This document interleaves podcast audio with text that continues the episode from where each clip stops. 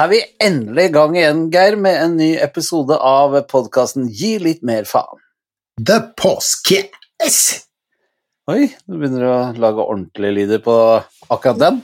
Ja, jeg, jeg, jeg syns det ble litt mislykka forrige gang jeg prøvde meg på en sånn Good Morning Vietnam-versjon, så jeg tenkte jeg skulle være litt mer sånn tilbakeholden i dag, da. Du, eh, godt å se deg igjen, sjeferen. Takk det samme. Eh, nå ser jo ikke de andre at vi ser hverandre, men det gjør vi jo. Ja. Vi er jo på skjerm eh, til hverandre, hadde jeg nær sagt. ja, og hadde det ikke vært for at du ikke er så kjempeåpen på det enda, så hadde andre kunnet sett oss når vi lagde podkast òg. Ja, det er sant. Og vi har jo eh, diskutert litt om vi skulle gå på denne berømte deigtuben, men eh, ja, vi får nå se, da. Vi får nå Ja. se. Det er ikke noe jeg liksom lengter etter, men ja, ja, vi vet nå aldri hva fremtiden bringer. Det kommer til å bli kjempekoselig, Geir. Apropos fremtid, du. Nå Ja. har du eh, skissert et sånt uh, mulig fremtidig opplegg til meg. Skal vi si noe om det, eller? Det er jo ikke helt avklart ennå, men bare sånn i tilfelle. Hva tenker du på? Nei, du hadde noen nyheter ringtes uh, her forleden. Til jeg skal gifte meg? Det var ikke helt det jeg tenkte på. Men Nei, altså, mulig, jeg har ikke mulig live-versjon Ja. av det. Ja, Det greiene på Setre, ja. Ja, ja. fortell litt. Det er å foregripe begivenhetene litt, for vi har jo ikke fått kartlagt alle tingene. Men det, det jeg syns hadde vært gøy, var at, vi- at podkasten vår nå framover eh, Kanskje ikke hver gang, men av og til kunne vi laget liksom en live-versjon av, eh, av podkasten. Sånn at publikum kan komme og være med i salen og komme med innspill på temaer og, og Ja, så tror, tror du det er noen som hadde orka det? ja, det tror jeg faktisk. Jeg hadde syntes det vært kjempegøy. Og, ja, ikke på min egen podkast, men jeg hadde syntes det var gøy hvis det var en podkast jeg fulgte med på, og så kunne jeg se det live. Ja, det hadde jo sikkert vært Så er det et sted ute på Setre, her hvor jeg har flytta til noe, som, som uh, kunne passe bra.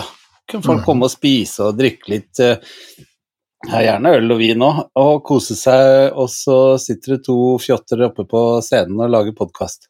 Ja, med f.eks. en gjest eller noe sånt. Det hadde vært stas. Ja, det hadde vært stas, det. Ja. Så vi det får se hvordan da. det går. Ja, men det er altså litt sånn uh, uoffisielt på trappene, eller? Ja, det kan vi si, tror jeg. Jeg gir meg ikke før vi får til det, så da er det vel på trappene. Nei, antagelig. Men det er litt detaljer og sånn som må avklares før vi kan gå ut med noen detaljer, men uh, det her håper vi å få til. Ja, det må vi Det, det, det vil Jeg tror det har vært imma kult. Jeg tror uh, Jeg ser du grynter litt på nesa, men, eh, men eh, jeg lover deg at du eh, etter et par Det var samme som når vi skulle lage den podkasten og så grynta du på nesa da òg. Ja, jeg gjorde det, altså. Og nå liker du det jo. Ja, ja da, det gjør jeg jo. For Ja, så det vidt. gjør det. Det gjør jeg det, gjør det det, vet jeg. gjør det. Vi er nå på episode, vi er på episode 55 i dag, så noe må det jo være. Ah, rundt tall! Ja, Eller to runder. Jo, fem-fem, er ikke det noe som skal feires? Ja, du kan ikke dele det på to så, så, Ja, du tenkte rundt tall, type sånn jubileumstall? Ja, så det er både det er to femtall. For meg er det veldig- veldig rundt. Ja, ok. Ja. ja. Vi, jeg tenkte jeg skulle spare jubelen til episode 60, ja, da, for den nærmer seg jo med stormskritt. Ja, det er ikke så lenge til det. Jeg raskt regna, så er det vel en fire-fem episoder til, så er vi der. Ja, du er ikke du, Det er som du pleier å si, du skulle ikke vært dum, du. Men har det skjedd noe med deg siden sist, da? Nei, skjedd og skjedd. Altså, det er jo eh, Jeg har jo Livet sagt det før, og, ja, livet skjer, og, og jeg har jo sagt det før, og det er jo verdt å, å gjenta så lenge det er hva skal vi si, det vanlige livet som skjer, så har man jo all grunn til å være eh, takknemlig, tenker jeg. Jeg har, nå, jeg har nå brukt en del tid på å jobbe med et opplegg for ungdoms- og videregående skoler som heter Voksesmerter, og som eh, forhåpentligvis kommer om ikke så altfor lenge. Det er så bra, det. Ja, det er lov å håpe at det skal eh, bli bra. Og Ja, men jeg, du har jo sendt meg masse, jeg syns det er dødsbra. Ja, det er eh, Takk for det. Um, vi satser jo på uh, å Hva skal vi si Er det en liten antydning til rødming jeg ser på skjerm? Nei, det må være noe med lyset. Det er åpenbart noe med lyset, for den evnen har jeg ikke. Men uh, jeg eier nemlig ikke blodårer i huden. Men, Nei. men uh, Nei, det er, det er et, et forsøk på å snakke litt med ungdom også på, om de temaene som vi snakker en del om, da. Som Ja. ikke nødvendigvis handler om å å, å bli bli kvitt alle livets eh, opp- og nedturer, men å, å øve opp um, hva skal vi kalle det? Ja, kondisen til å, Mm. til å bære dem i, i, i det tidspunktet man må bære dem, på en måte, og det må vi jo alle. Så, så jeg har et, eh, et godt håp om at det kan bli et, eh, et godt tillegg til alt som finnes der ute fra før, da. Alt det som jeg har sett som du har sendt over til meg nå, i hvert fall, syns jeg er uh, Mulig jeg er ekstremt inhabil, men uh, det driter jeg i, for jeg syns det er kjempebra. Mm. Nei, men det, var, det er fint å høre. Og bortsett fra det, så har jeg da vært på jakt for første gang på ti år.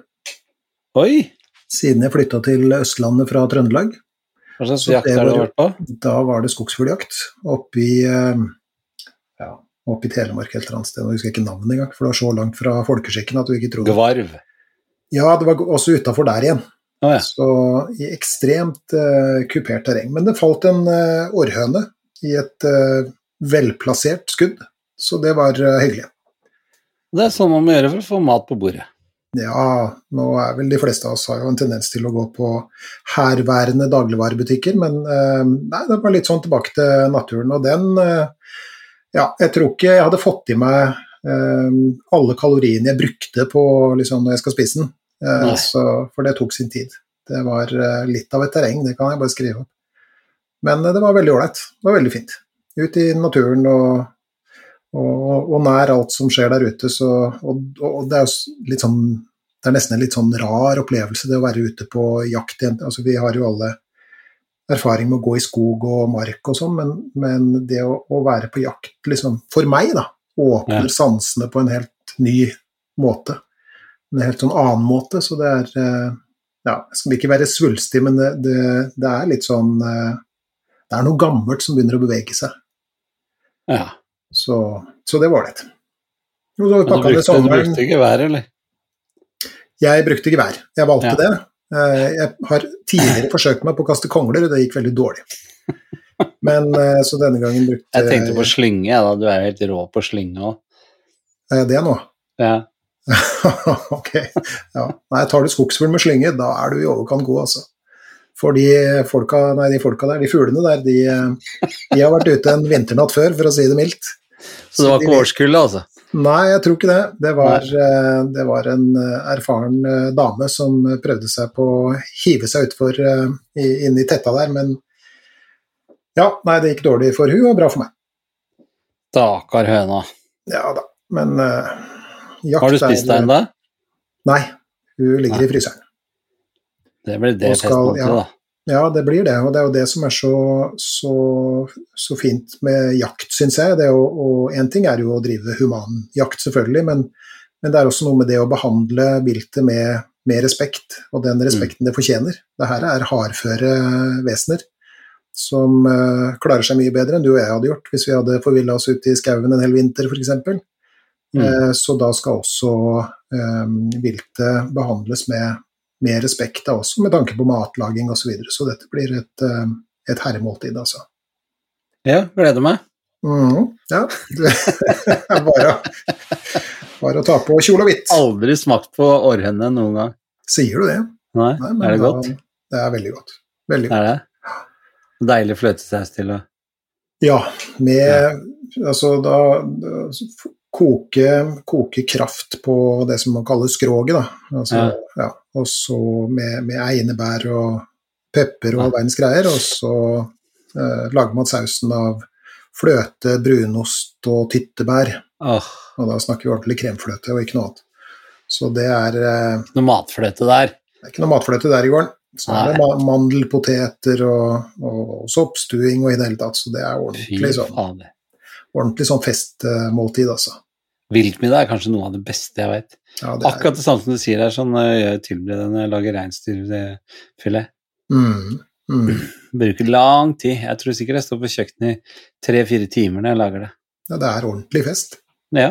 Ja, Koser det- meg med iskald Cola Zero i glass og musikk og Mm. lar dette surre i de ekte smørpannene, for å så legge det inn i ovnen, steke det på, på grader, Mm. Og bruke den krafta og smake seg fram og knuse einebein ned i mortelen og Mm. drive og strø over med fingrene og Og så skal det være ekte G35 liker jeg å ha oppi, da. G35. Ja, Og du brunost. snakker brunost, ja. Ja, Riktig, ja, ekte Gudbrandsdalsost 35. Ja. Og jeg hiver jaggu oppi en klatt med seterømme, og jeg Det skal man ikke gå veien for. Nei, så Det er vel ikke noe Grete Rode som anbefaler, men I couldn't get KLS. Nei, verken eh, Grete Rode eller norske hjerteleger ville anbefalt eh, det der, men eh, sånn fra tid til annen så er det fine greier, altså. Og som sagt, et, et ordentlig festmåltid, og med, med respekt for viltet, så det, det liker jeg. Og lykke, da. Enn du, da? Ja, jeg har ikke vært på jakt. Nei. Jeg bruker hver eneste fridag her på Hurum, hvor jeg sitter nå Nå begynner det å Unnskyld. Nå begynner det å dra seg til med lite bevegelsesrom i huset her, sånn, for nå holder jeg på med hele stua. Nå har jeg begynt på kjøkkenet, så nå har jeg ett soverom igjen som jeg har kara meg til med en stol og PC og sånn som kan lage podkast. Mm -hmm. uh, ellers så er det rett og slett bare bygge, byggeplass. Ja, har du revet ned det meste inn, eh, innendørs, hadde jeg nær sagt? Alt, vil jeg påstå. Og veldig artig da å komme og se hvordan de lagde For den hytta her er fra 1945. Og jeg skal jo prøve å få omregulert den her til bolig. Og så er det sånn lettvegger jeg skal ha bort annet mellom kjøkken og stua. Og vet du hva? Det er jo så gøy å grave i, i historien. Den hytten her ble bygd i 45, og veggene på den hytta her sånn, og gulvet, eh, var rett og slett den gamle NSB godsvogn. Du verden. Fra, måtte jo ha vært fra før krigens dager, da, for den fikk jo ikke en splitter ny en, tenker jeg. Så, så en gammel godsvogn, så de veggene her, de Ja, det, jeg måtte jo bruke Det var like før det var dynamitt. Så det Solide var- saker. Ja, veldig. Så det var gøy å se da også. Hadde de eh, rett og slett satt opp jernbanevognen, og så har de liksom skåret ut i ruter og sånn, da. Hm. Så i den ene delen her så var det veldig gøy, da. Så gammel NSB-historie i veggene dine, altså. Ja, det er det rett og slett.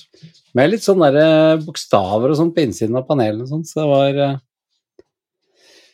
Så men eh, hvem er det som veit, kanskje jeg sitter på et klenodie? Nei, det var det, da, vet du. Ja. Men du har Læringskurven er bratt, har jeg hørt. Det her har ikke gått aldeles uh, ukomplisert for seg heller. Fy fader, så mye skader jeg har hatt. Eller ikke skader, men småskader. Jeg har dettet ned fra stiger, men det er det vondeste tror jeg gjorde når jeg drev og så For jeg skal ha sånn rekkverk ute på den terrassen som jeg har bygget selv. Og så for at de skulle komme og sette på det rekkverket, så sa de at jeg måtte ha sånn forsterkning under bordpanelen, da. Så jeg skulle liksom sette opp eh, Nå høres jeg utrolig snekker ut. Sette opp eh, doble to tom fire da, under, sånn at man har noe festepunkt under. Og det var sånn høyt oppunder, og jeg sto liksom på øverste trinn på stigen og drev og drilla disse her forbaskede lange skruene for å få det til å feste ordentlig. Og da står du og så presser du på, vet du, tror du ikke den glapp? Altså, jeg kjørte bare hele drillen inn i ringfingeren min, ned i neglebåndet. Altså, jeg Det var så vondt. Jeg veit kanskje at det høres pysete ut nå, men uh, altså, det var helt innerst på neglebåndet, så jeg, så jeg bora meg sjøl inn under neglen. Til ditt forsvar da, så, så vil jeg jo påstå at, uh, at eh, drilling i neglebåndet, muligens, er noe av det vondeste man kan uh, få til. Det høres nesten litt sånn torturaktig ut. Altså, jeg skreik så høyt, så jeg tror alle som bor på Hurum, hørte det. Uh, Og Hurum også, er stort. Hurum er stort, ass. Så Mm. det var Og det blødde. Og det blødde. Og det er jo nå tre uker siden. Og Ja, fremdeles så ser jo fingeren min sånn herpa ut, jeg vet ikke om du kan se det. Ja, jeg ser, jeg ser det. Det er et lite sånn søkk der, ja. Så slutt å blø, da. Det er jo bra. Ja, det, et, bare et par uker, det, så ga det seg. Du verdens land rike, det gikk ganske fort. Ja, ja. Nei, det slutta jo så klart å bli samme kvelden, men det var det var sånn at det var så vondt at jeg tok bilde av det. ja i disse Minner, sosiale medier Ja, la du det ut? Nei, jeg legger jo ikke i det. Er du gal? Jeg er jo ikke på sosiale medier. Mm. Kan hende du har fått noen likes på det. Ja, men det har jeg ikke noe behov for. Jeg ringte deg, og jeg ringte de som står meg nære, og de syntes synd på meg. Det holdt. Ja. Litt, litt trøst og empati, så, så kommer man langt. Det gjør jo det. Ja. Nei, så det har vært masse sånn småskader og dette ned fra stigen og uh, men så syns jeg det er uh, Jeg vet ikke hva jeg skal si. Det er et eller annet med en utrolig deilig følelse å uh, For det første ivareta sjela på, på bygget her sånn, samtidig som man ser liksom sakte, men sikkert så får jeg gjort Blant annet i går så hengte vi opp eh, en eh, Jeg visste ikke det, og jeg kan jo ingen sånne ting fra før av, men det var en stolpe som sto rett ned i stuegulvet, og det har vært så fint å få bort den. Da måtte vi ha opp en ståldrager og en sånn bjelke i taket, da. Den veide 380 kilo. Det var tungt å få inn gjennom vinduet. Og... Men disse snekkerne, vet du, det som hjelper meg sånn, de er helt rå. Så nå er den stolpen borte, så nå er det plutselig stolpefri stue. Jøsse nå. Ja, nei, det er mer enn jeg hadde fått. 380 kilo, da var dere flere antagelig. Ja, jeg fikk litt hjelp utpå kveldinga. Ja. Da. ja, det var godt å høre. Du, eh, Ja. kjære Tommy, vi har kommet til episode 55, vi. Vi har det. Og eh, i dag Mm, nå er jeg så spent. har vi et tema som har blitt etterspurt uh, en stund. Og som jeg har uh, også, må jeg innrømme, utsatt en stund, for dette er ikke mitt spesialtema. Det vil da si at dette er ikke noe jeg jobber med sånn til vanlig. Jeg har jo hatt litt sånn forelesninger og bla, bla, bla om, om det her, men, men det er som sagt ikke mitt uh, spesialemne, da. Nei. Er, er du spent? Ja, jeg tenker kanskje det er noen som er spesialemne for meg. Det kan tenkes. Så du Det kan han- ja. sette deg tilbake og lene deg, så kan jeg ta med Det hadde vært uh, veldig deilig, altså. Eh, så jeg gleder meg til det. Hva er det for noe? Det er emnet tvang. Tvang? Tvang og vanskelige tanker, kan vi kanskje kalle det. Altså tvangstanker? Tvangstanker, tvangshandlinger og, og i, eh, i ytterste konsekvens det som man på sånn diagnosespråk kaller OCD, eller OCD? obsessiv Ja, OCD har du hørt om? det har jeg hørt om. Ja, Ok, så det er det vi kaller en sånn eh, tvangslidelse. Hva står det for, egentlig?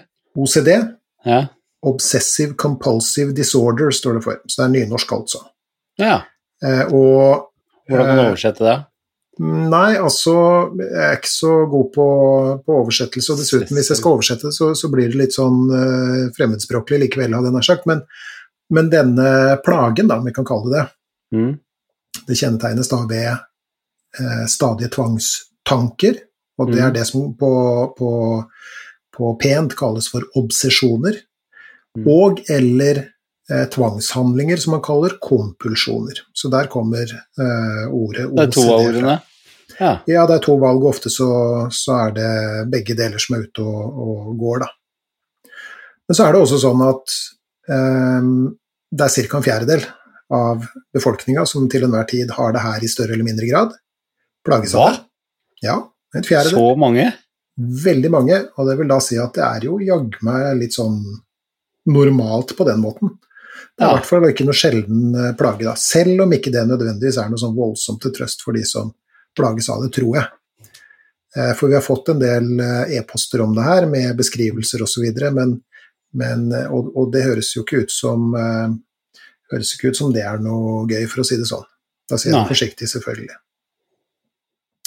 Men så er det også eh, sånn at eh, rare og påtrengende tanker Mm. hvis vi forsker på, liksom, misforstå meg rett, bare det fenomenet, så finner man en sånn forekomst i befolkninga på mellom 80 og 88% Hva? Ja. Og da kan man jo begynne å, å, å, å tenke at, eh, at, at det er normalt, hadde jeg nær sagt. Hva med de siste 12 prosentene, da? Nei, det har vel ikke sånne tanker, da? Jeg vet ikke. Har du Men noe rare sånne tanker, rare tanker, mener du? Altså at man tenker rart? Ja, altså rart og rart, da, men hvor man har tanker som Hva skal vi si um, Som man selv tenker kanskje er litt sånn pussige eller uh, rare, eller, eller til, til og med litt sånn skumle eller farlige, eller noe sånt. noe. Du havner sånn overtro inn under dette sånn? Ja, eh, det tenker jeg. Eh, Overtro er jo en ting, og det vi kaller litt sånn eh, magisk tenking er jo en annen variant. Jeg vet ikke om du kjenner deg igjen der? Ja, jeg skjønte jo fort at jeg tilhører ikke de 12 prosentene, i hvert fall. Det gjør du ikke. Nei. Gjør Fortell, fortell litt om det. Skal jeg fortelle om eh, Ja, altså Helt fra barnsben av så har jeg blitt ja, Jeg ville kanskje si på fagspråket indoktrinert. Med, I min familie er fryktelig mye overtroisk. Um, mamma var helt ram når det gjaldt overtro på Eller det magisk tenking eller overtro, jeg vet ikke forskjellen på de to, egentlig. Men vi hadde det sånn Hvis vi var på restaurant og noen oss hørte med saltet, så, uh, så var mamma Da, kunne, da kasta salt over venstre skulder, fløy etter unge, oss unga hvis du ikke fikk gjort det med en gang. og Ja, hva handla det om? Nei, Det betydde ulykke, da. Ikke sammenligne. Kunne ikke måle hender, da måtte du måle føtter. Eh, ikke gå under stiger, så klart. Det er noe av det som jeg syns er litt sånn praktisk. Gå under en stige skjønner jeg, jeg syns ikke det er overtroen, det var praktisk, for du vet aldri hva som er oppi den stigen, så kan dette med noe. Nei, det er sant. Og ikke tråkk på kumlokk tenker jeg heller ikke er sånn overtro, for det der var praktisk, for det er vanskelig å se om det er kumlokk eller ikke. Mm. Så og noe svart katt over veien og 1, 2, 3, 1, 2, 3, tvi, tvi, tvi, 1, 2, 3, 1, 2, 3, tvi, tvi, tvi. Salt over skulderen, ikke plystre bil. Og så kom jeg inn i showbiz, og det er jo ikke noe mindre overtro der, for å si det mildt. Nei, det har jeg hørt litt eh, om. Jeg husker jo da, Ah. da vi traff hverandre, så var jeg litt sånn engstelig for å si lykke til til deg hvis du skulle ha Mm. et show eller noe sånt, for det har jeg hørt at man ikke skal gjøre. Men akkurat den, den dreit du i. Ja, eh, det er For man skulle vel si break a leg eller noe sånt? Ja, det var vel det det var lenge, men jeg, Nei, det har jeg ikke brydd meg om. Men jeg har hatt mange sånne rare greier, sånn som at eh, jeg skulle ikke knytte skoene før rett før jeg gikk på scenen. Uh, når jeg skulle ta på meg uh, sokkene, så var det viktig at jeg sjekka ikke sant? Når du tar på deg svarte sokker, så kan du av og til ta det på vranga uten at du ser det. Uh, men jeg sjekka alltid sømmen, sånn at ingen, ingen av sokkene var på vranga. Uh, Ja, var, var det fordi at det ser litt teit ut, eller fordi at du liksom Nei, ingen som ser det ned i skoa. Nei, det var overtro. Overtro, ja. Eh, ikke plystre bil. eh, generalprøven måtte gå til helvete. Nei, det var eh, fryktelig mye rart. Og når jeg kom inn i teatermiljøet og de, med de store skuespillerne og sånne ting, altså, så fikk jeg jo bare en drøss med nye ting. Ja, for jeg, det, jeg har hørt deg jo altså, Bare for å kommentere den, en, den ene greia, det med å søle med salt. Mm. Det leste jeg en forklaring på. Ja. Og det var det at du skulle ikke søle med salt fordi at Jesus sal, eh, eh, tårer, som han antagelig da gråt på korset, er salte. Og dermed så, så, var, så betydde det ulykke. Men du kunne bryte den ulykken gjennom å kaste litt salt over skuldra di. Av en Ja. eller annen bisarr grunn, da. Så det gjorde altså da din mor. Men jeg hørte også sånn, eh, apropos teatermiljø og Mm. overtro og, og ja, kall det litt sånn påtrengende tanker og behovet for å ha noen ritualer knytta til de vanskelige tankene og sånn, Mm. så hørte jeg at det ehm, Og det er mulig jeg tar feil nå, så du må korrigere meg, altså. Mm. Men det var, du skulle, det var et visst teaterstykke du ikke skulle si navnet til Oi. Uh, når, da man var på scenen, og det var uh, Det var nesten så jeg blir engstelig for å si det nå, men, men det var et visst stykke av Shakespeare. Ja vel. har du hørt om det? hørt. Nei, aldri. Nei, ok, Så man skulle ikke snakke om stykket Macbeth. Å ja. Fordi det brakte Å å nevne det stykket brakte ulykke i teatermiljøet. Har jeg lest, da, men det, åpenbart så er det helt ukjent for deg, så ja, ja, da får det bare være. hadde jeg nær sagt. ja, men da er ikke jeg sånn Vi snakker jo ikke om uh, Tommy Steine, skuespiller ved Nationaltheatret for 50 år siden. Altså, Nei, nei. Jeg har ikke vært så dypt inn i teatermiljøet, syns jeg, men, men det var sånne ting som når uh, Jeg husker uh, eh, Også skuespillere og komikere og artister syns jeg jo har en i hvert fall en svak tendens til å tendere over til det litt nevrotiske, da. Så det er mange av de som var sånn eh, Du måtte ikke se publikum før sceneteppet gikk. Eh, du måtte ikke fortelle hvis du visste om det var noen i salen, som skulle, for folk hadde jo sceneskrekk osv. Mhm. Eh, ikke plystre i gangene. Ja, den har jeg hørt. Eh, og Nei, det var veldig mye var veldig mye passe på etter hvert. Ja. ja, det høres sånn ut. Og det er kanskje det som også er noe av kjernen i, i plagene med, med tvang, er at det blir mye å passe på etter hvert, og det skal vi komme litt sånn eh, tilbake til. Da. Men Mm.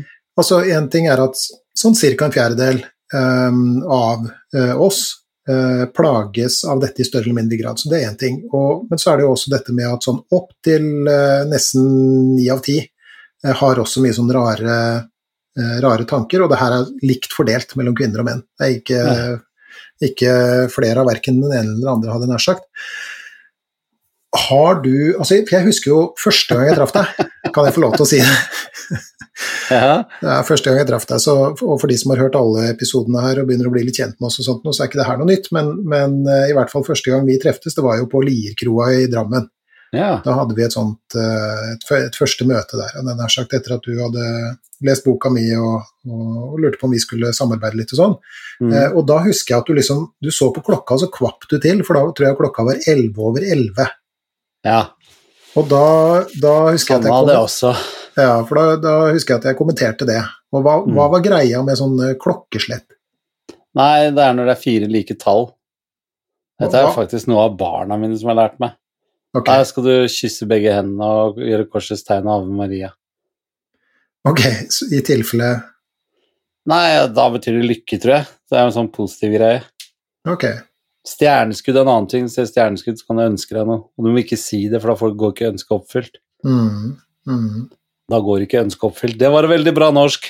Da Ja. får du ikke ønsket oppfylt. da får du ikke ønsket oppfylt. Ok, så, men, men så har jeg også forstått det sånn at mye av, av disse ritualene og den litt sånn magiske tenkinga, kall det overtroen og sånt noe, det har du kvitta Mm. deg med. Men har du, har du sånn, har du noen sånne greier fremdeles?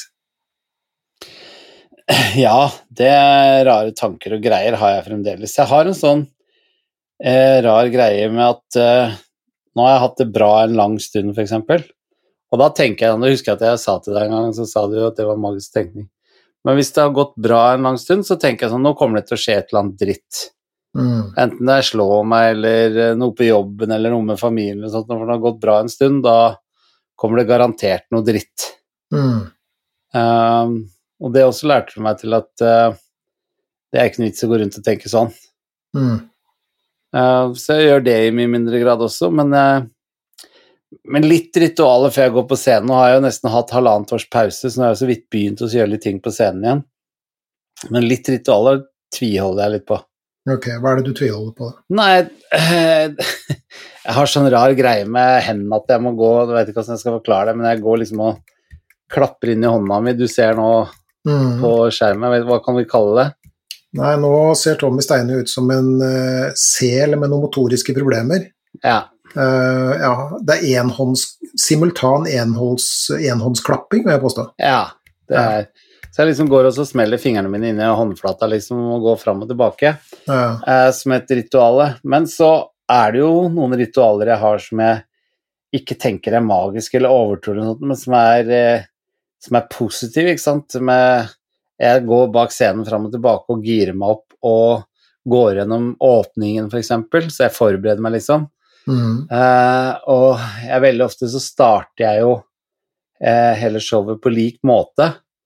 Uh, men det er jo av andre årsaker enn at det er overtros på det. Det er jo forberedelse og eh, at det gjør meg trygg på at jeg vet hvordan For du er veldig sårbar de første 30 sekundene, ikke sant. Så det er om å gjøre å Mm. få de 30 sekundene så trygge som mulig. Mm. Så eh, Så eh, De ritualene har jeg, har jeg opprettholdt. Mm. Men det er dels oppvarming, dels eh, pensle huet inn på det jeg skal gjøre. Så jeg tenker ikke det som noe sånn Og ingen av de overtro-greiene som jeg snakka om til deg før, er jo noe som har plaga meg i hverdagen. Mm. Det er klart å ha mora di flyende etter deg på en restaurant for å kaste salt over skulderen på deg, kunne jo kanskje for noen oppleves som litt plagsomt, men eh, Men du hadde jo opplevd det så mye før, så det hørtes litt mer sånn normalt ut for deg. ja, det var det. Det var eh, Ja, ja. Det er mer det derre engstelsen for uh, hvis jeg ikke gjorde det, hva kom til å skje da? Det okay. kunne bli en plage. Ja, ok, ok. Så, men det her er jo litt sånn eh, Nå snakker vi jo litt om magisk tenkning og overtro og ritualer og sånt noe, men, men tvang handler jo litt mer om eh, hva skal vi si, sånn påtrengende tanker og ting man liksom føler man bør gjøre og sånt noe. Har du noen sånne greier, du? Noen sånne, ja, for å bruke et, eh, et nynorsk begrep, noen sånne hangups? Nei, jeg tror ikke det, altså. Nei, Det er ikke verst. Jeg tror ikke jeg har noe Jeg har forhåndsregler, men det er jo ikke hangups. Nei, det er jo ikke det. Så nei, jeg har ikke noen sånne ting jeg kommer på nå som er sånn lukke døra to ganger og sjekke låsen tre ganger og Mm. ikke tråkke på streker og Jeg har ingen sånne ting. Nei.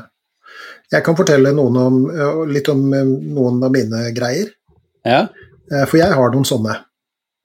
Og det er jo nødvendigvis ikke noe som Eller det er ikke noe som plager meg i hverdagen på noe vis, og jeg tror ikke at liksom Hva skal vi si Jeg blir ikke redd for at noe fælt skal skje, eller sånt, men, men eh, jeg kan altså I hvert fall da vi hadde CD-er, så hadde jeg en sånn eh, greie på at de måtte stå riktig vei.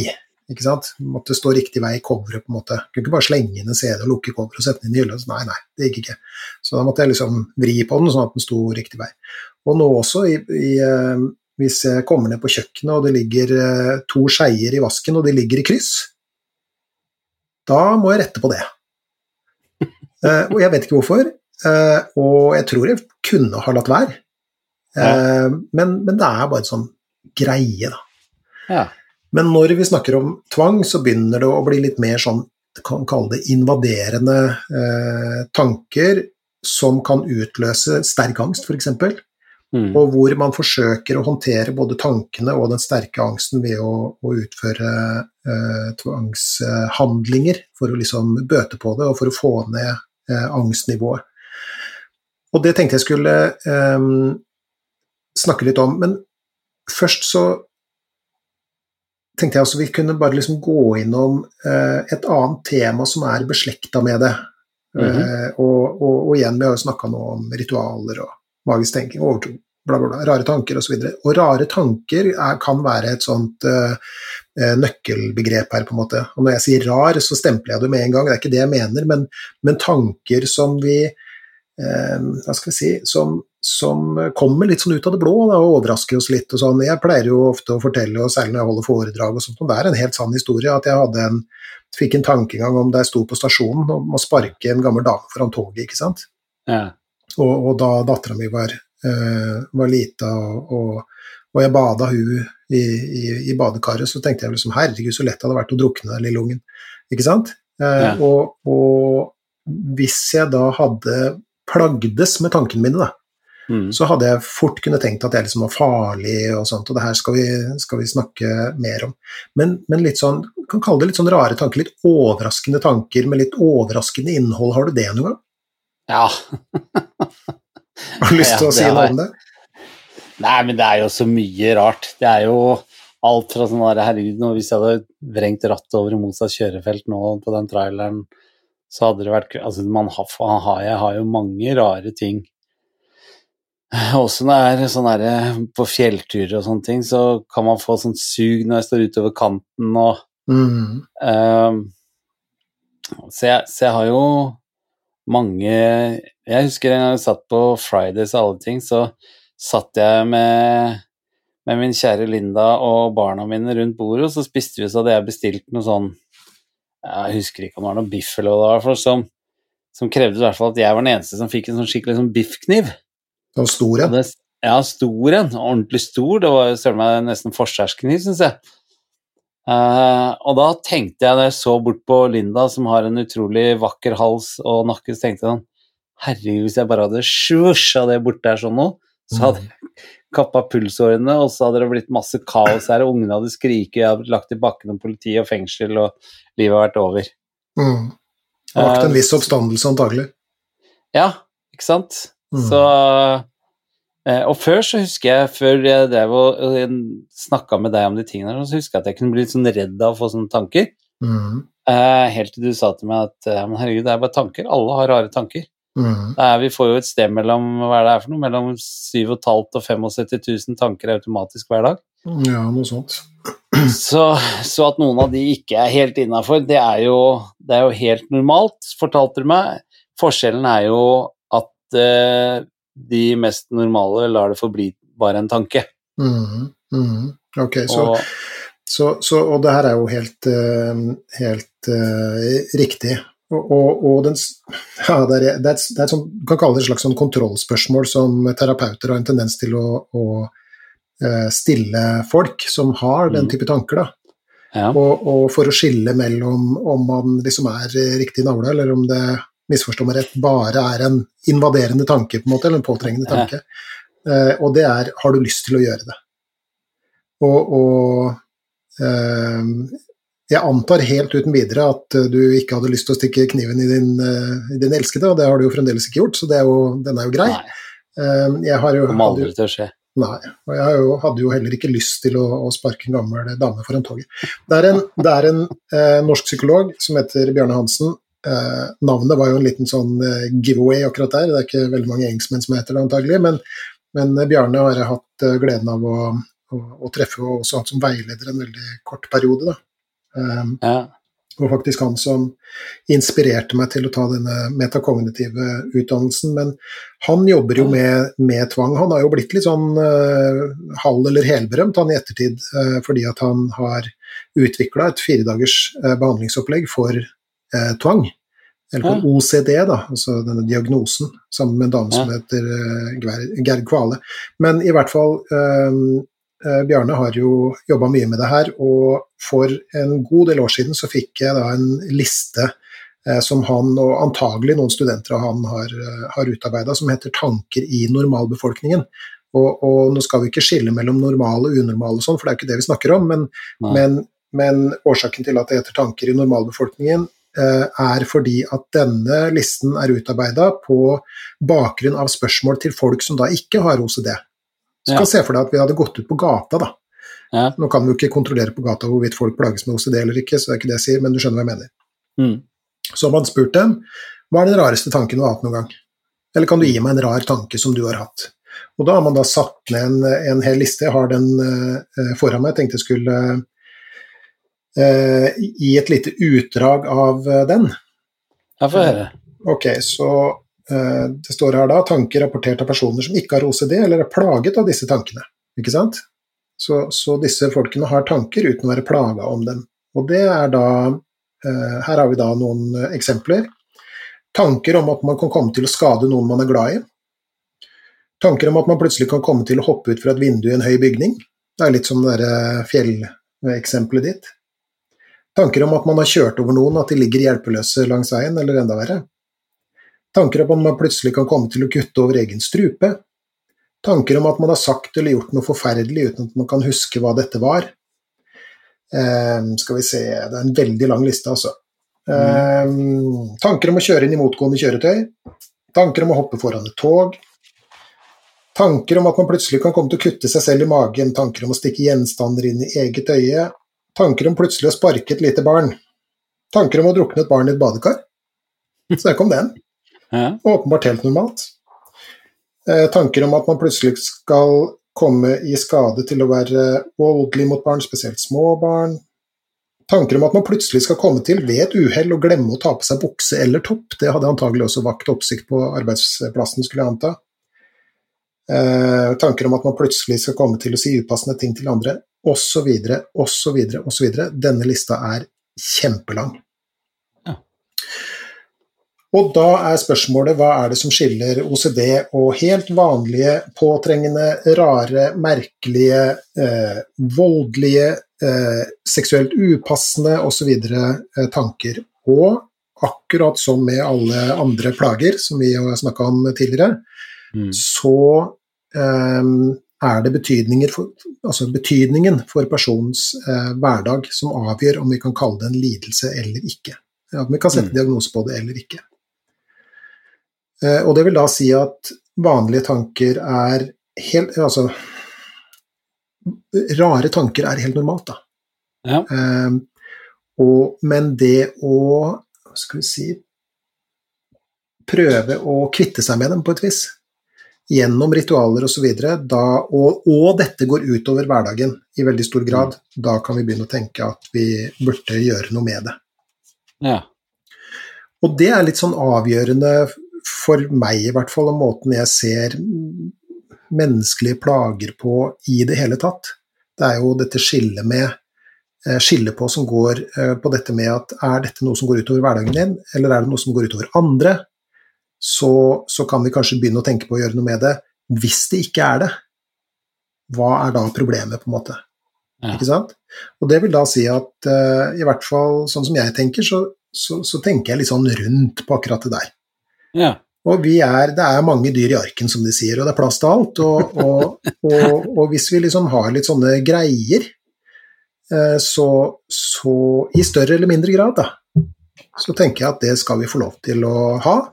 For det er eh, vanlig og normalt og menneskelig osv. Men som sagt, det er først når det begynner å, å gå utover hverdagen at vi kan, kan tenke og, og kanskje f.eks. be litt eh, eh, om hjelp. Når det gjelder OCD, så er det ikke så lett å skjønne hva som er eh, årsaken til det, og det her har man jo forska ja, for det her skulle jeg akkurat spørre deg om. ja, okay. Er det noe som ligger bak? Er det noe fellestrekk som gjør at Er det utsettelse for tre... Er det, ikke sant? Det er jo Mhm, årsakene. Ja, det innvar, det var det jeg skulle til å spørre deg om. mhm. Så da spør jeg deg, så kan du svare. Ja.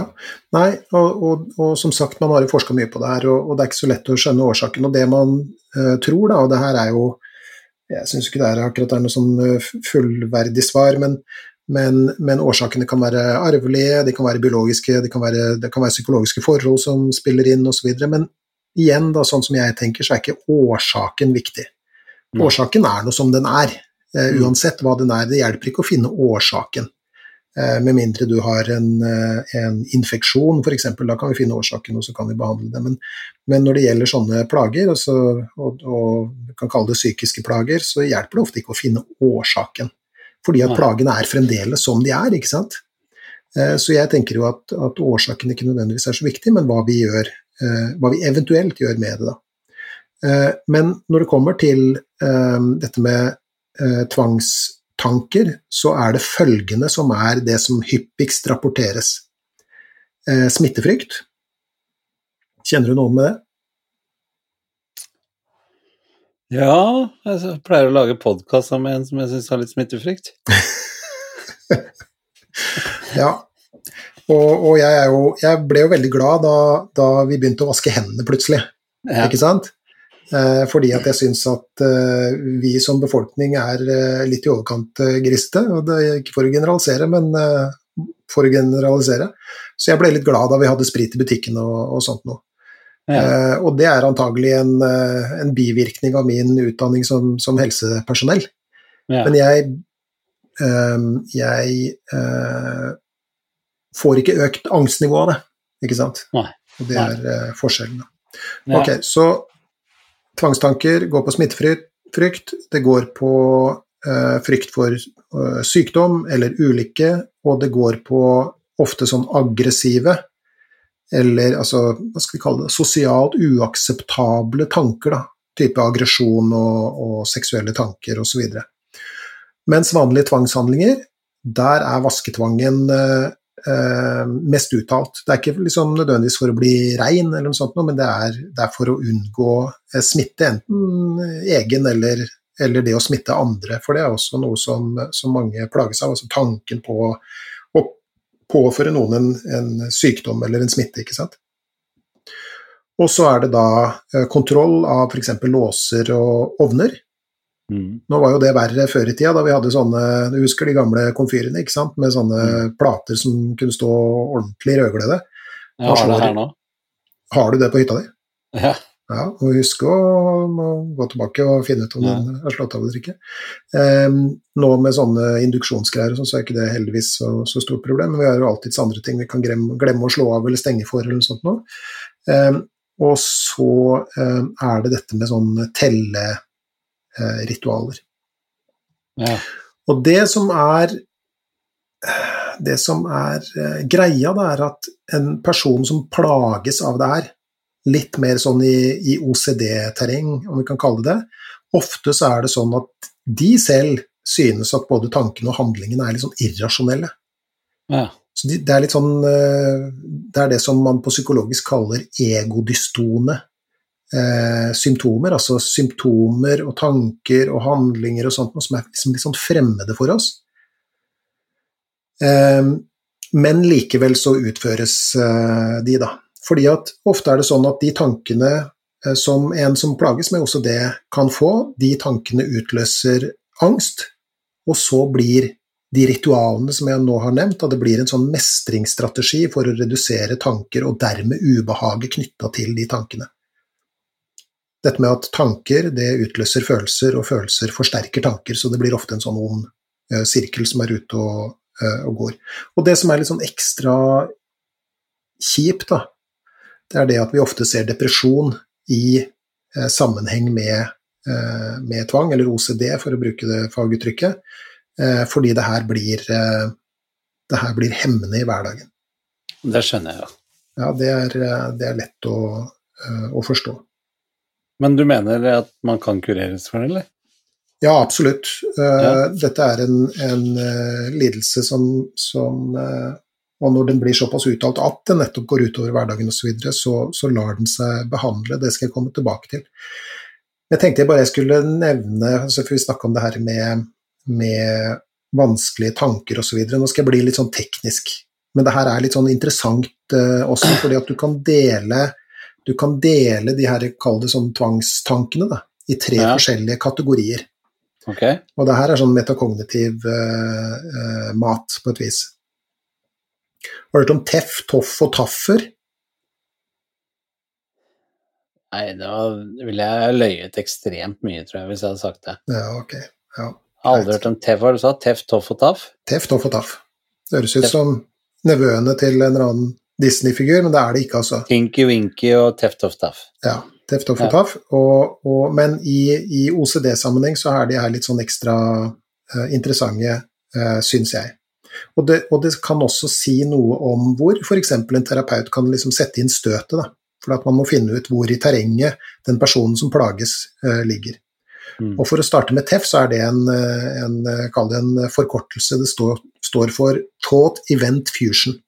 Og hva betyr det der? Jo, det betyr eh, tanke-hendelsekobling, om vi kan kalle det det. Det vil da si at det er, en, det er en kobling mellom en tanke og en hendelse. Og hva betyr det i denne sammenhengen? Jo, det betyr at hvis jeg tenker visse ting, så kan de hende. Ja. Hvis, jeg, hvis, jeg, plutselig får tanker om at jeg vet ikke, naboens hus raser ut i et leirskred, eller at det skal bli brann hos tanta mi, eller et eller annet sånt som det er, så kan det skje bare på bakgrunn av at jeg har tenkt det. Og hvis, ja. det, hvis jeg tenker det, og det skjer, så er det jo min skyld. Hva sa jeg? Hva sa jeg, ikke sant? Det vil da si at TEF, altså taught Event Fusion handler om at tanker kan påvirke og endre eh, ting som skjer, da, hendelser der ute. Mm. Og så har vi eh, noe som heter TOF, TOF, altså det er eh, det det eh, står for. Taught Object Fusion. Og det vil da si at det handler om en kobling mellom en tanke og et objekt. F.eks. det at mine følelser kan overføres til ting. La oss si at jeg føler meg veldig nedfor og har veldig mange vanskelige og skremmende tanker, kanskje, og, og er, eh, har et høyt angstnivå osv. La oss si at jeg står og smører mat til barna mine som de skal ha på skolen, så, så kan det overføres i den matpakken. Det er, det er eh, ett eksempel. At, og at ting kan sende ut dårlige følelser, f.eks., som kan påvirke meg igjen. Så det er, det er toffen. Det er Toffen. Det er Toffen. Og så har vi den siste, som er, som er TAF, som står ja. for Taught Action Fusion. Altså Åh, hva blir det, da? Handlinger? Altså, ja, tanke, handling, tanke-handling-kobling, om vi kan kalle ja. det. Og det er at tanker kan få meg til å gjøre ting. Det vil da si at hvis jeg får tanker om at å herregud, tenk hvis jeg plutselig av en eller annen grunn skulle komme på jobb en dag og kle meg naken og løpe inn til sjefen og plante meg oppå skrivebordet hans, ikke sant, så, eller hennes, så, så, så, kan det skje. Eller at jeg står på perrongen i Tønsberg, og det kommer en gammel dame gående forbi, ikke sant, og jeg får mm. tanker om å sparke hun foran toget, så kan det bety at jeg kan komme til å gjøre det. Og du kan tenke deg hvor skremmende det er, da. Ja, det er skremmende. Det er helt, eh, helt uh, gruelig. Og så har vi også noen litt sånn andre fenomener som er ute og går også, og, og hvis vi skal gå i sånn hyperdetalj på det her, så hadde det jo tatt uh, hele kvelden antagelig, men, men, det handler også om, uh, om at vi har noen hva skal vi si Vi har noen fenomener også som er kobla til hukommelse. Det der med at hvis jeg f.eks. da ikke husker noe fra en gitt situasjon, så kan det bety at jeg har gjort noe forferdelig. Ja. Men jeg husker det bare ikke, liksom. Og den tanken kan bli så påtrengende at det kan utløse sterk angst. Jeg snakka med en person en gang som, som hadde veldig store problemer med å kjøre langs eh, mørke sånn landeveier. Okay. For tenk hvis vedkommende da hadde kjørt over noen som gikk langs den veien, uten å ha fått det med seg. Og vedkommendes mestringsstrategi var å, liksom stoppe for hver 50. meter og, og gå ut av bilen og, og, lyse bakover med lommelykt bare for å forsikre seg om at det ikke lå en stakkars jogger der, eller noe sånt. Herregud. Og da kan man jo tenke seg, da, da kommer du ikke særlig langt. Uh, og, og, dette med bilkjøring sparer ikke så veldig mye tid, da, for å si det mildt. Så det er de fenomenene som, uh, som, si, er ute og går når det gjelder dette med, med, med tvangstanker. Er det noen som Er det noen eh, Hvordan skal jeg si det Er det noen spesielle deler av befolkningen som har mer tvangstanker enn andre? Er det noen spesielle eh, sosiale lag, eller er det litt spredd litt utover alt? Det er nok helt uh, jevnt fordelt sånn sett, men, men, når det gjelder befolkningen, så er dette med tvangstanker og tvangshandlinger hos barn f.eks., det er et uh, relativt vanlig fenomen. Ja. Uh, men de fleste vokser det helt fint av seg. Og vi vet jo ikke så veldig mye om, om, hvorfor det er sånn. Kanskje har det noe med hjernemodning og koblinger som hva skal vi si, legges ut og tilbakedannes og, og, og, og legges ut andre veier osv. Det, det, det vet jeg ikke. Men, men tvangs, tvangslidelse, da, OCD, det ser ut til å debutere som et sted mellom 24 til 36 års alder. Og igjen, det er alle lag, det er begge kjønn osv. osv. Så, så det er ikke noen som er spesielt utsatt sånn sett, jf. det vi sa, eller det jeg snakka om tidligere, med at vi, vi, forstår jo heller ikke noe årsak til det her. Og, og, det trenger nødvendigvis ikke å være noe årsak sånn sett heller, vi må bare konstatere at, at sånn er det. Men jeg tenker eh, det er mulig jeg blander veldig sammen nå, Geir, så du får bare korrigere meg. For jeg syns det er bare mye bedre at jeg slenger ut det jeg tenker, og så kan du heller si at, eh, at jeg tar feil eller rett. Men jeg tenker med religioner mm. og religiøse folk, så opplever jeg at i, i hvert fall fra gammelt av så var det mye mer ting som var forbundet med at du ikke kunne gjøre fordi da ville gudene slå seg vrede, og du kom ikke til himmelen og alt mulig sånt. Og der også lå det jo, og ligger vel sikkert i enkelte miljøer enda, veldig mye sånn tvangstanker linket opp til selve religionen. Ja, hva, hva tenker du på da? For jeg, Nei, tenker, jo, jeg, tenker... jeg tenker jo mer på sånn altså når du, når du snakker om religion, så er det jo mer mer hva skal vi si, dette med magisk tenkning og at hvis jeg bare gjør sånn, så vil det gå meg bra osv. Um, mm. Og der er det jo også noen prinsipper som er ute og går, som vi har snakka om, uh, om, tidligere, som, som, handler om at ja, faktisk så er det noen uh, Det ser ut til å være noen prinsipper som er slags sånn universelle, f.eks. det å ikke lyve. Ja. Ikke sant? Det er veldig lurt å ikke lyve, fordi at ja, det er så lite av deg og så mye av virkeligheten, på en måte, og så mye av sannheten. Mm. At du kan mm. aldri vinne den kampen uh, uansett. Og det ligger jo ofte innbakt i religioner, men, men, hvis du kunne klargjøre litt sånn mer hva du tenker på? Nei, jeg tenker at det er uh, når, når uh, var jo mer av det før, men da var det jo mer handlinger du måtte utføre for å Hvis ikke så gikk det deg ille, ikke sant. Sånne ting som Du må ikke banne, du måtte ikke Ja trosse noen av budene på noen som helst måte. Eh, og det var det. Jeg hadde jo en mormor som var ganske så religiøs. Og hun ble helt fortvila hvis noen av de tingene her oppsto, for hun var, hun var, så overbevist om at det kom til å føre til ikke bra ting, da. Mm, mm. Og det er jo noe som ikke hun hadde hatt hvis ikke hun hadde vært strengt religiøs. Mm. Ja, nei, det har nok ikke så mye med, med, med akkurat tvangslidelse å gjøre, tenker jeg. Det har mer å gjøre nei, nei. Med, det, med, med, det vi akkurat snakka om, dette med at, ja. uh, at uh, jo, det er, det er Og det her har vi jo snakka masse om, og, og, er, og, vi skal snakke mer om det, for vi skal snart inn i en uh, episodeserie som jeg tror blir ganske uh, interessant. Men, men det har nok mer å gjøre med Hva skal vi kalle det, da? Universelle hypersannheter som mm. man kunne følge for at man i det minste hadde gjort sitt for at man ikke skulle havne i trøbbel, på en måte. Det var ikke nødvendigvis trøbbel med, med, med Vår Herre, ikke sant, eller en eller annen ja. gud eller noe sånt, men, men, det var ting som var eh, lurt å gjøre. Men så har vi også da, hva skal vi si, skyggesiden av religion, som kanskje handler om sosial kontroll, og at det er noen predikanter og all verdens greier som, som kan bruke det til sin fordel. og for å få folk til å, å skre, altså skremme folk til å gjøre ting osv. Eh, men, men når det gjelder, når det gjelder eh, tvangslidelse, så, så, tenker jeg ikke at det eh, har noe med, med, det her å gjøre, på et vis.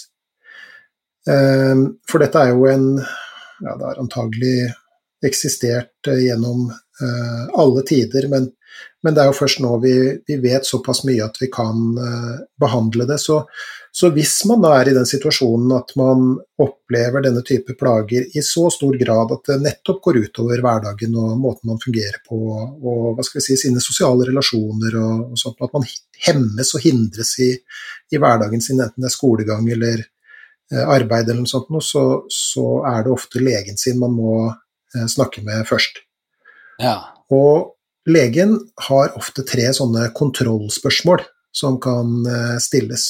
Og spørsmål, spørsmål nummer én er har du tanker som stadig kommer tilbake, og at de tankene gjør deg urolig, og at du ikke blir kvitt tankene dine uansett hvor mye du prøver. Og at du faktisk, at du faktisk prøver. Um, spørsmål nummer to holder du ting ekstremt rene, eller vasker du hendene svært ofte? Og spørsmål nummer tre må du sjekke eller kontrollere ting svært ofte. Mm. Og hvis du svarer ja på én av de tre, så kan man begynne å få litt sånn mm, alarmbjeller i bakhodet. Ikke alarmbjeller på den måten at dette er veldig uh, dramatisk, men da kan man jo begynne å tenke at hei, vent nå litt. Kanskje, kanskje trenger denne personen hjelp av noe slag. Eh, og så er det også sånn at tvang er ikke det samme som perfeksjonisme. Ja, noen, noen, av oss er jo litt sånn vil ha ting i orden og og sånn, mm. men, men, det er ikke tvang. Tvang Nei. er når du har påtrengende tanker som du ikke greier å, å kvitte deg med, og at du har ritualer knytta til det som du må utføre, hvis ikke så får du ikke fred. Ikke sant? Um, mens perfeksjonisme er mer sånn, holdt på å si, personlighetsrelatert, da. Så, og, og, perfeksjonisme kan også skape problemer i hverdagen, så er ikke det jeg sier. Men, men da, er det ikke, da er det ikke OCD. Er det noen sånne ting som uh, hvis man går til legen eller eller til sånne som deg uh, Kan det være litt sånn at Jeg bare snakker for meg sjøl, jeg nå. Men at man har begynt liksom å, å, å synes at man tenker litt mye i den retningen at det kan være lurt å få stoppa det. Er det sånn dere jobber? Mm, mm. Ja, det er ofte det, fordi at uh, uh, det er ikke sjelden at jeg og mine kolleger der jeg jobber, får inn en person til samtale som har et sett med tanker og følelser som de syns er fryktelig plagsomme, men som når vi får snakka litt om dem, bringer på det rene er, hva skal vi si, er litt sånn påregnelige og er litt sånn normale, jf. den der tanker i normalbefolkningen osv. Og, så ja, ja. og det gjør at personen slår seg til ro med det. Da. Mm. Ikke sant? For jeg syns jo ikke at man skal Jeg synes at man kun skal problematisere ting hvis det rent faktisk er et problem. Og noen ganger så kan man eh, gjennom samtale med et annet menneske, og det trenger på ingen måte å være en terapeut eller en psykolog eller en lege, eller sånt, men la oss si en eldre og livserfaren person, da, ja. eh, som man, man, kan snakke med og, og liksom få, få normalisert det hele litt, det å være folk. Og det å ha en hjerne som er eh, som alle andre hjerner, nemlig at den plutselig så dukker det opp rare tanker osv. Det er jo det der med tenking, vet du. Mm dette med at eh, tenking er litt sånn todelt. En er det at eh, tenking, altså det at tanker oppstår i hodet på vårt, det kan vi ikke gjøre noe med. For de oppstår Nei. uansett. Altså det er rare tanker og skremmende tanker og fine tanker og nøytrale tanker, og alt bare øser ut. Ja, det det jeg skulle spørre deg om. Det går ikke an å stoppe og bestemme Nei, for, seg for at sånn skal ikke jeg tenke, eller Nei, ikke sant. Fordi at, eh, så du kan jo alltids prøve, men, men ja. vi har jo gjort uh, dette eksperimentet før, og jeg gjør det jo stadig med, med, mine klienter. altså det Forsøket på å stoppe tanker, det viser seg å være uh, ganske fånyttes. Det går jo ikke. Nei. Og så er det jo det å tenke på noe annet for å få bort tankene sine, og da, da snakker vi om det her etter hvert så berømte isbjørneksperimentet, hvor du skal, skal få tenke på hva du vil, men ikke en isbjørn. Mm. Og når du, Det er det som er så merkelig med de tankene òg, er at når du mm. forsøker å få tanker bort, uansett om det er gjennom å tenke på noe annet, eller det er gjennom ritualer og sant, lysbrytere og vasking og uansett hva du gjør, i det øyeblikket du prøver å få tanker og dermed følelser bort, så aktualiseres de, de kommer tilbake, og noen ganger i større grad. Og det kaller man øh, øh, ja, i hvert fall i, i, i, i, visse sammenhenger for, for det, eh, paradoksal tenking, altså at, at, en tanke dukker opp, og kanskje til og med enda sterkere når man forsøker seg å kvitte seg med dem. Og det er jo mm. noe, noe, som man jobber med eh, i metakognitiv terapi, og antagelig også i de andre terapiretningene som retter seg spesielt da, mot, mot OCD. Altså at det man, eh, det man forsøker å vise, er at dette virker jo ikke. Og personen som plages med det her, og som har sine ja, vanskelig påtrengende tanker, som gjør at angstnivået eh, øker, og som har handlinger for å kvitte seg med tanker og følelser, også har erfart i mange år. At uansett hvor mye jeg holder på med det her, det virker liksom ikke, det kan virke en bitte liten stund, men, men, så er jeg liksom på en måte tilbake til, eh, til start. Da. Nå husker jeg ikke spørsmålet ditt engang, hva, hva var spørsmålet?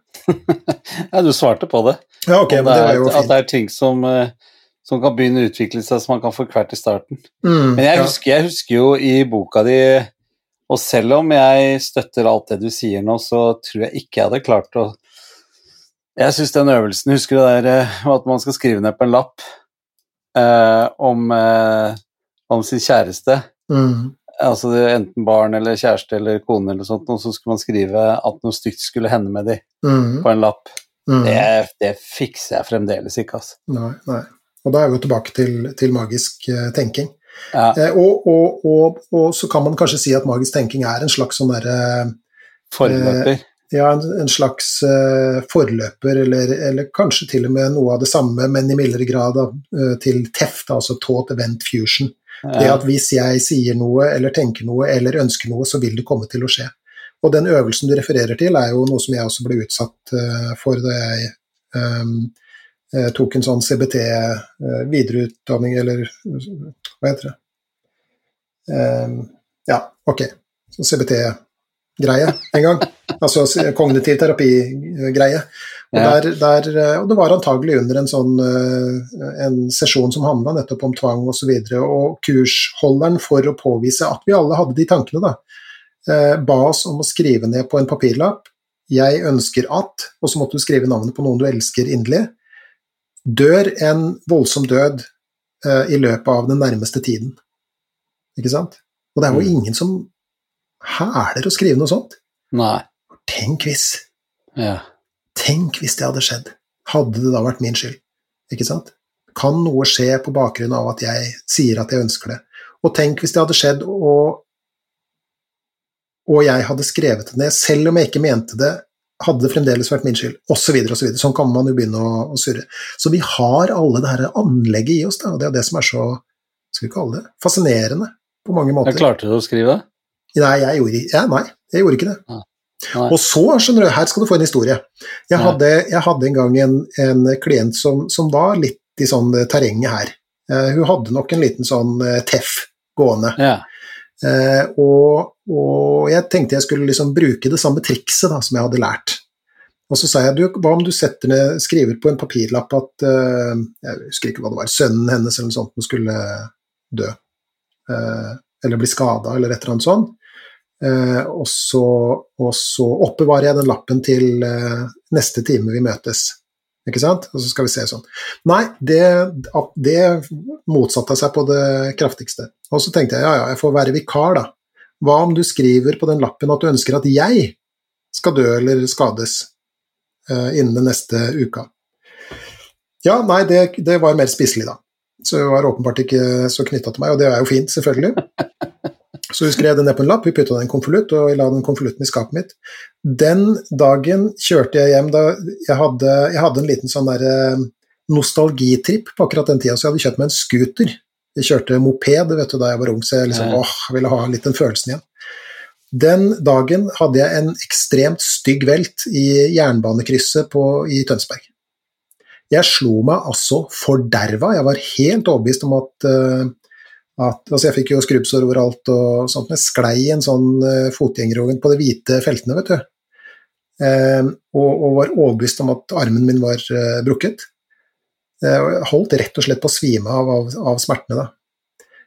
Og, og, hadde en ankel som ikke var helt god. den haltingen skjulte jeg godt uka etter, da jeg kom inn på mitt kontor igjen og møtte denne personen. og og, var, og, til hennes overraskelse var helt i live og aldeles uskadd.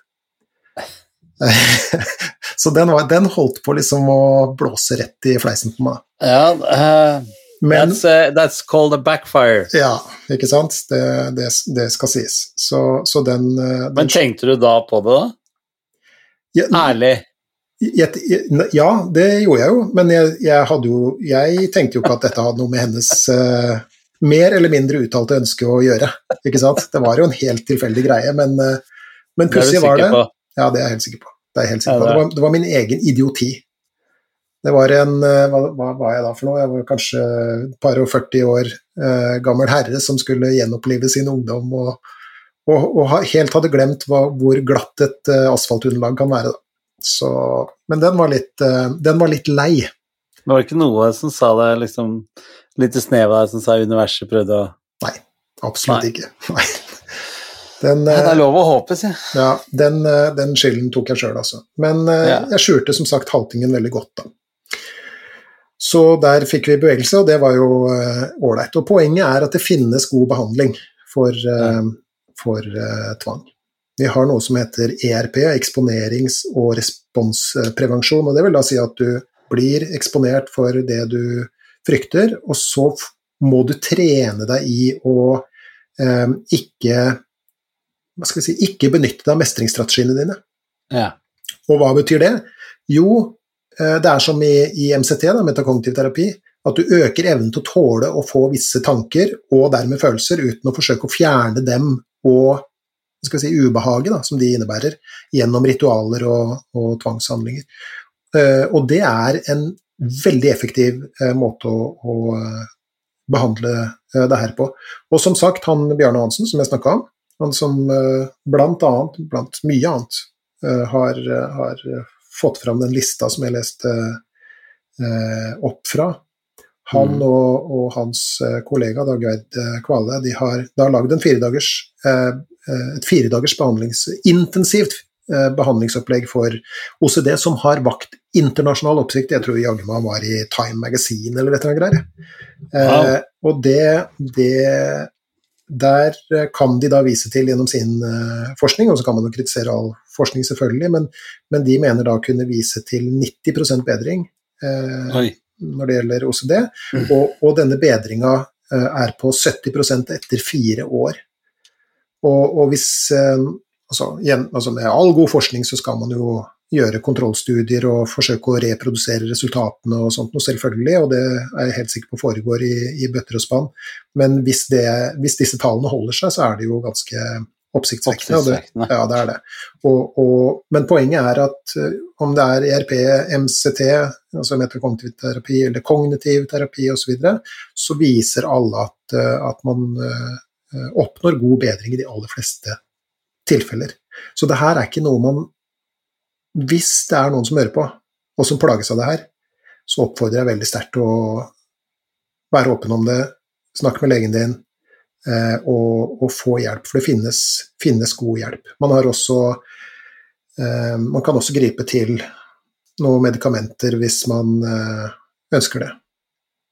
Du kan stille ett dumt spørsmål til angående dette her.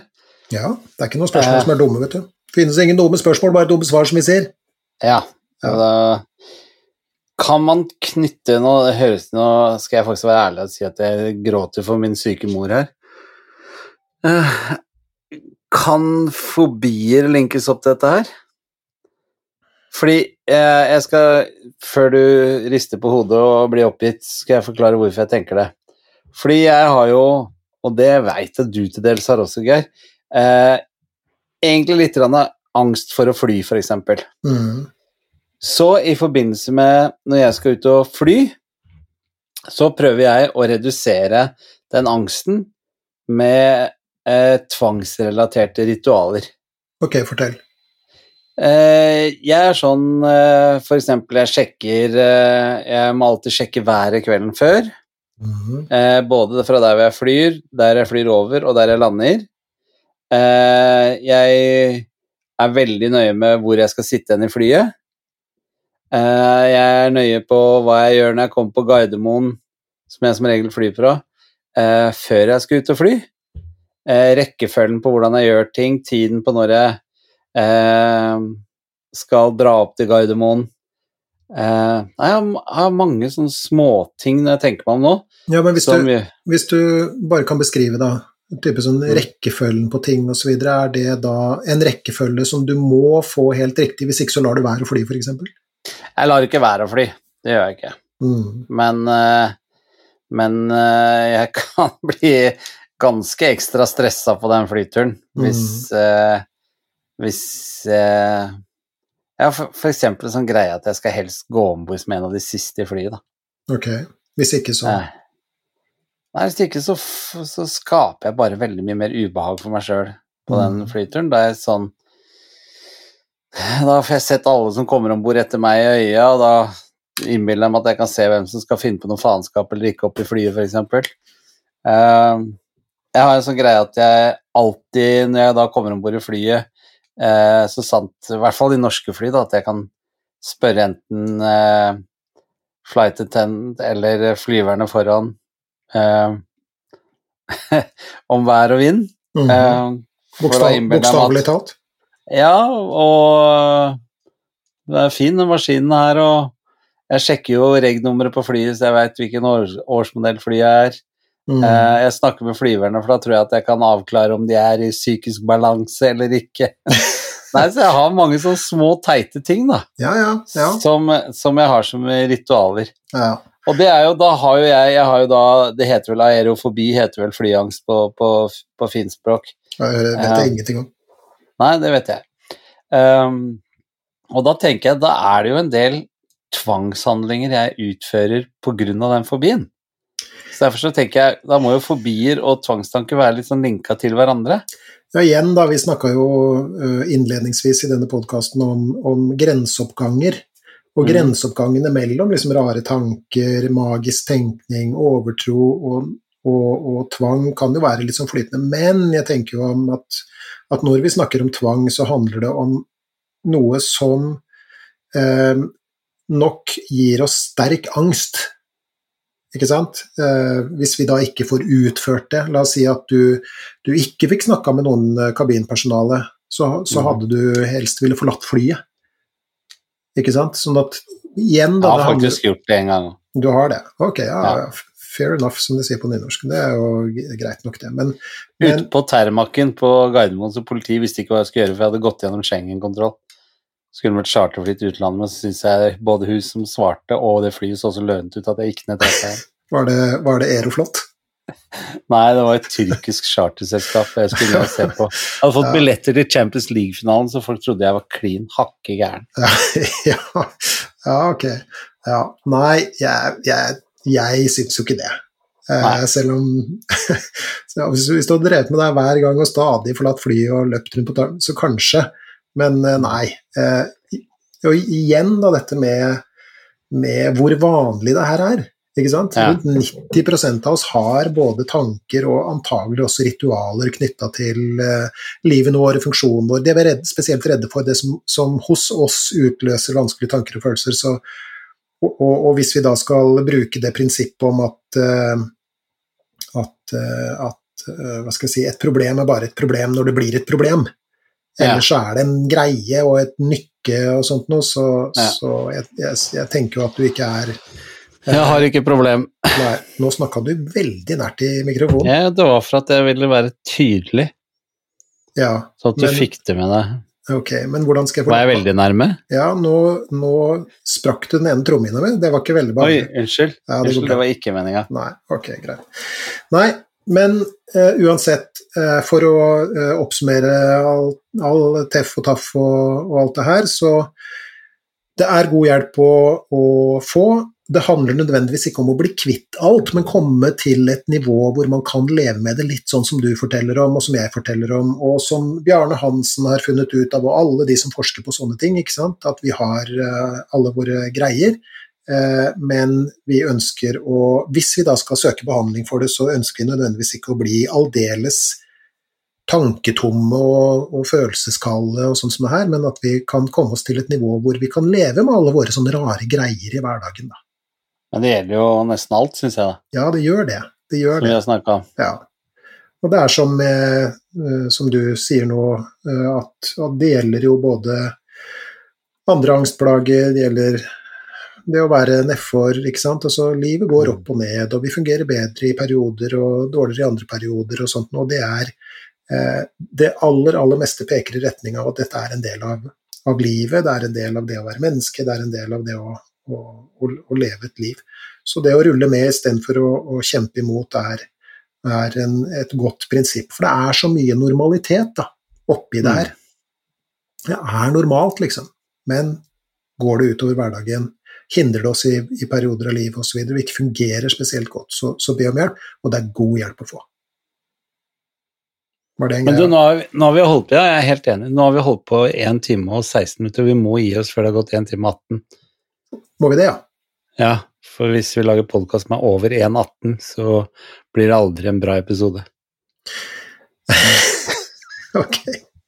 Nå trodde jeg at vi hadde liksom eh, vi hadde tid til 0118. Ja, men nei, nei. Ok, nei, men det Jeg tuller bare. skulle vært komiker, du. Ja, jeg, bare, jeg, bare, jeg bare tok liksom poenget sånn. Ja, ja, ja. ja bare Nei, vi har ingen tvangstank, men vi må gi oss nå før det har gått 1 time og 18 minutter. Hvis ikke så blir ikke den her publisert. Ok, men da, da uh, gir- Nei da. Bare, var, nei, uh, men jeg synes jo, for å oppsummere mitt inntrykk av de tingene vi har snakket om i snart halvannen time, Mm. så ble jeg litt beroliget, jeg. Ok, på hvilken måte? Nei, jeg tenker at eh, eh, du sa ganske tidlig i episoden at det kanskje ikke er noe trøst at så mange har det, osv. for den som, som har det. Men jeg tenker faktisk litt sånn omvendt, jeg. Fordi jeg syns jo det er deilig å høre at alle disse rare, gærne tankene som jeg har, eller ting jeg tenker, er, er innafor normalen, og at det er veldig, veldig, veldig mange andre som har det på samme måte. Mm. Da blir jeg ikke så redd for å få sånne tanker. Nei? Det er sånn, ja, ja, det skjer med alle.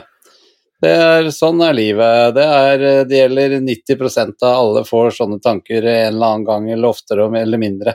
Mm. Um, så derfor så syns jeg at uh, nettopp det at vi har sittet og snakka om det nå, har gjort egentlig det OCD-greiene litt mindre farlig. Mm. Mm. Og at det er så høy sjanse for å kunne få hjelp til det, så det ikke ikke nødvendigvis forsvinner, men at det blir så lite betydelig at man fint klarer å leve med det. Mm. Som alle andre ting som vi også har snakket om i tidligere podkaster. Mm. Derfor så ble jeg litt uh, av den episoden så har jeg blitt litt beroliget. Det er jeg veldig glad for å, å høre. Uh, og, og jeg er jo veldig opptatt av at vi skal, vi skal innlemme alle blant oss i menneskeheten. Og det her Mm. er en uh, greie som, hva skal vi si, i, i varierende grad gjelder alle oss, da. Mm. I en eller annen fase i livet og en eller annen Ikke sant? Og noen av oss har jo våre quirks, for å igjen låne et, eh, et ord fra nynorsk. Så, så jeg er glad for at du oppsummerer det på den måten, for det er sånn. Og som sagt, det er hvis det nå er sånn at det her blir ekstra ille, og sånt noe, så er det også veldig god hjelp å få, som du også sier. Mm. Så, så hipp hurra for det, tenker jeg. altså så er jeg veldig glad jeg ikke tilhører det der stakkars 10% som ikke er sånn. Ja, For de er jo Jeg- faktisk litt unormale. Jeg tror at den 10 ljuger litt, jeg. For å si det rett ut. Og så kan jeg fortelle deg noe. Ja. Ja, for i forbindelse med det her så har jo jeg måttet eh, studere litt ekstra og sånt noe. Og vet du hva jeg kom over? Nei. Jeg kom over en bok som en av gjestene våre har skrevet. Hva? Eh, Leif Edvard? Ja, vår husprofessor. Ja, en av våre Ja. husprofessorer, hadde jeg nær sagt. Jeg, har, Ja. jeg tror nesten vi har to, ja. Men, Ja. eh, ja. Men han har skrevet en bok som heter 128 sider om tvangstanker. Og den tenkte jeg skulle legge ut, uh, legge ut link til, da. Og, Det må du legge ut link til. For. Ja. Han er en veldig bra mann. han er en fin eh, fyr. Og, Og, og, etter hva jeg leste om den boka, så har han fått, uh, fått gode anmeldelser, så det her er en liten sånn reklame for Leif Edvards uh, bok om tvangstanker. Og, og hvis vi kjenner han rett, så, så tror jeg også at han har litt både trøst og tips å komme med, da. mm. Ja, vi har uh, bikka 1,20, Tommy Steine. Det her blir en dårlig episode, men det får bare være. Uh, har du noe mer? Nei, jeg tror dette her, her, her tror jeg går veldig bra. Ja, det Jeg tror tror jeg også. blir en, i all beskjedenhet det er en veldig bra episode. Ok, ja. Og jeg tror, eh, i og med at det er så mange av oss som Og legg merke til anførselstegn er plaget av eh, mildere eller sterkere grad av dette, sånn, så eh, tror jeg det blir veldig deilig for folk der ute å, å få høre at de tilhører den gruppa som er når eh, Altså at det er så mange av oss. Mm, mm. ja, det håper jeg. Så, så Nei, jeg takker veldig for alt eh, du har satt deg inn i. Jeg har lært masse på det, på de siste 1 time og 22 minuttene. Det har jeg også. Neste gang Ja! vi kommer med en episode, så skal vi eh, ha en liten sånn føljetong. Mm. Eh, men før jeg avslører hva det er, så Eller jeg tror jeg allerede har sagt det i forrige episode, men det får, får, ikke, får ikke hjelpe. Det er ikke sikkert at alle hører på alt. Men, men eh, før jeg avslører det også, så vil jeg si at vi har fått mye e-poster osv., bl.a. med tips om, eh, til ting vi kan ta opp og sånt. Og en av Mm. de e-postene gjorde litt sånn ekstra inntrykk på meg, må jeg si. Selv om, mm -hmm selv om temaet er trist, da. Og det er temaet selvmord. Og selvmordsproblematikk, som vi har en tendens til å kalle det. Ja. Og den personen skrev en e-post til oss som var så god og så vond og så klok at eh, og, og han ba om at vi tok opp det som eget tema, så det skal vi gjøre. Mm. Eh, Men før den tid så skal vi gjennom en liten eh, føljetong.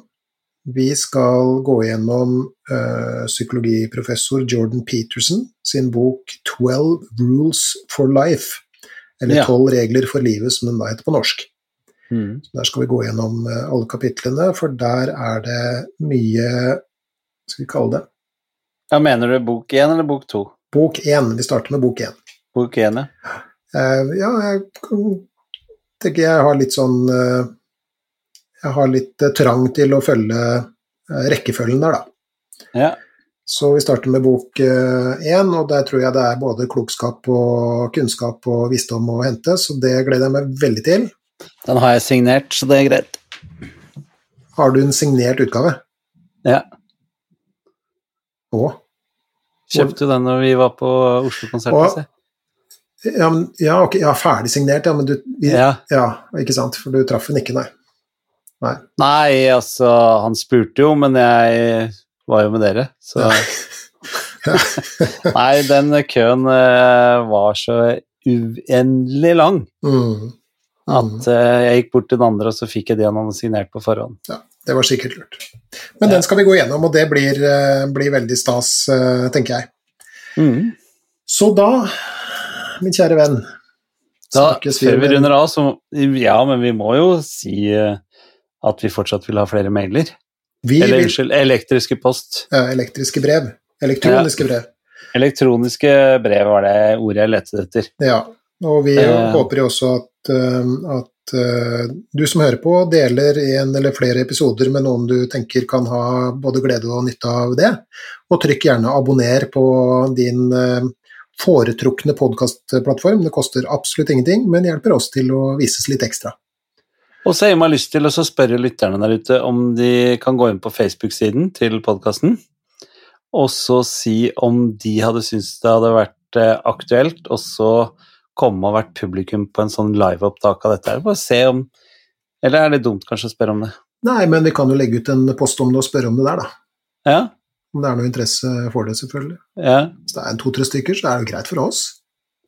Alt over to tenker jeg er suksess. Ja, det tenker jeg også. Så da, da gjør vi det. Jeg kan, skal vi se, nå skal jeg notere det med en gang. Kan ikke du gjøre det, du som er på sosiale medier, da? Ja, ja. ja. Du, vet du hva, jeg har suspendert min eh, Instagram-konto og Ja. har fått et bedre liv. Du har det? Ja, Det er som å ha slutta med kokain. Det er, eh, ligger ikke med trynet liksom oppi den hvite haugen lenger. Det er uh, veldig deilig. Jeg får frigjort veldig mye tid. Men uh, både boka og, og showet ditt gir litt mer uh, F. Det, det er jo på, på Facebook, så, så vi kan legge ut uh, en forespørsel der. Om mm. noen kunne tenkt seg å ha kommet og, og delt en kveld uh, med oss. Ja. Uh, Så det er greit. Og elektroniske brev kan man sende til følgende elektroniske brevadresse. Gi litt mer f at gmail.com. Gi litt mer f i ett ord. Tanketull. Gmail.com. Nei, det kan du ikke si. Den likte du. Tanketull. Ja, det er krøllalfa. De bruker det i Sverige, blant annet. Tanketull? Mhm. Kanel... Ikke rull? Nei. Tanketull. De sier kan cannelbull, sier de noen ganger, og tanketull noen andre ganger. Ja, Hvis ikke du tror meg, så må du bare sjekke.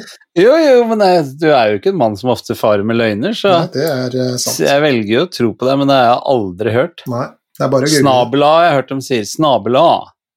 Ja. Og eh, elefant eh. Ja, det hørtes mer dansk ut.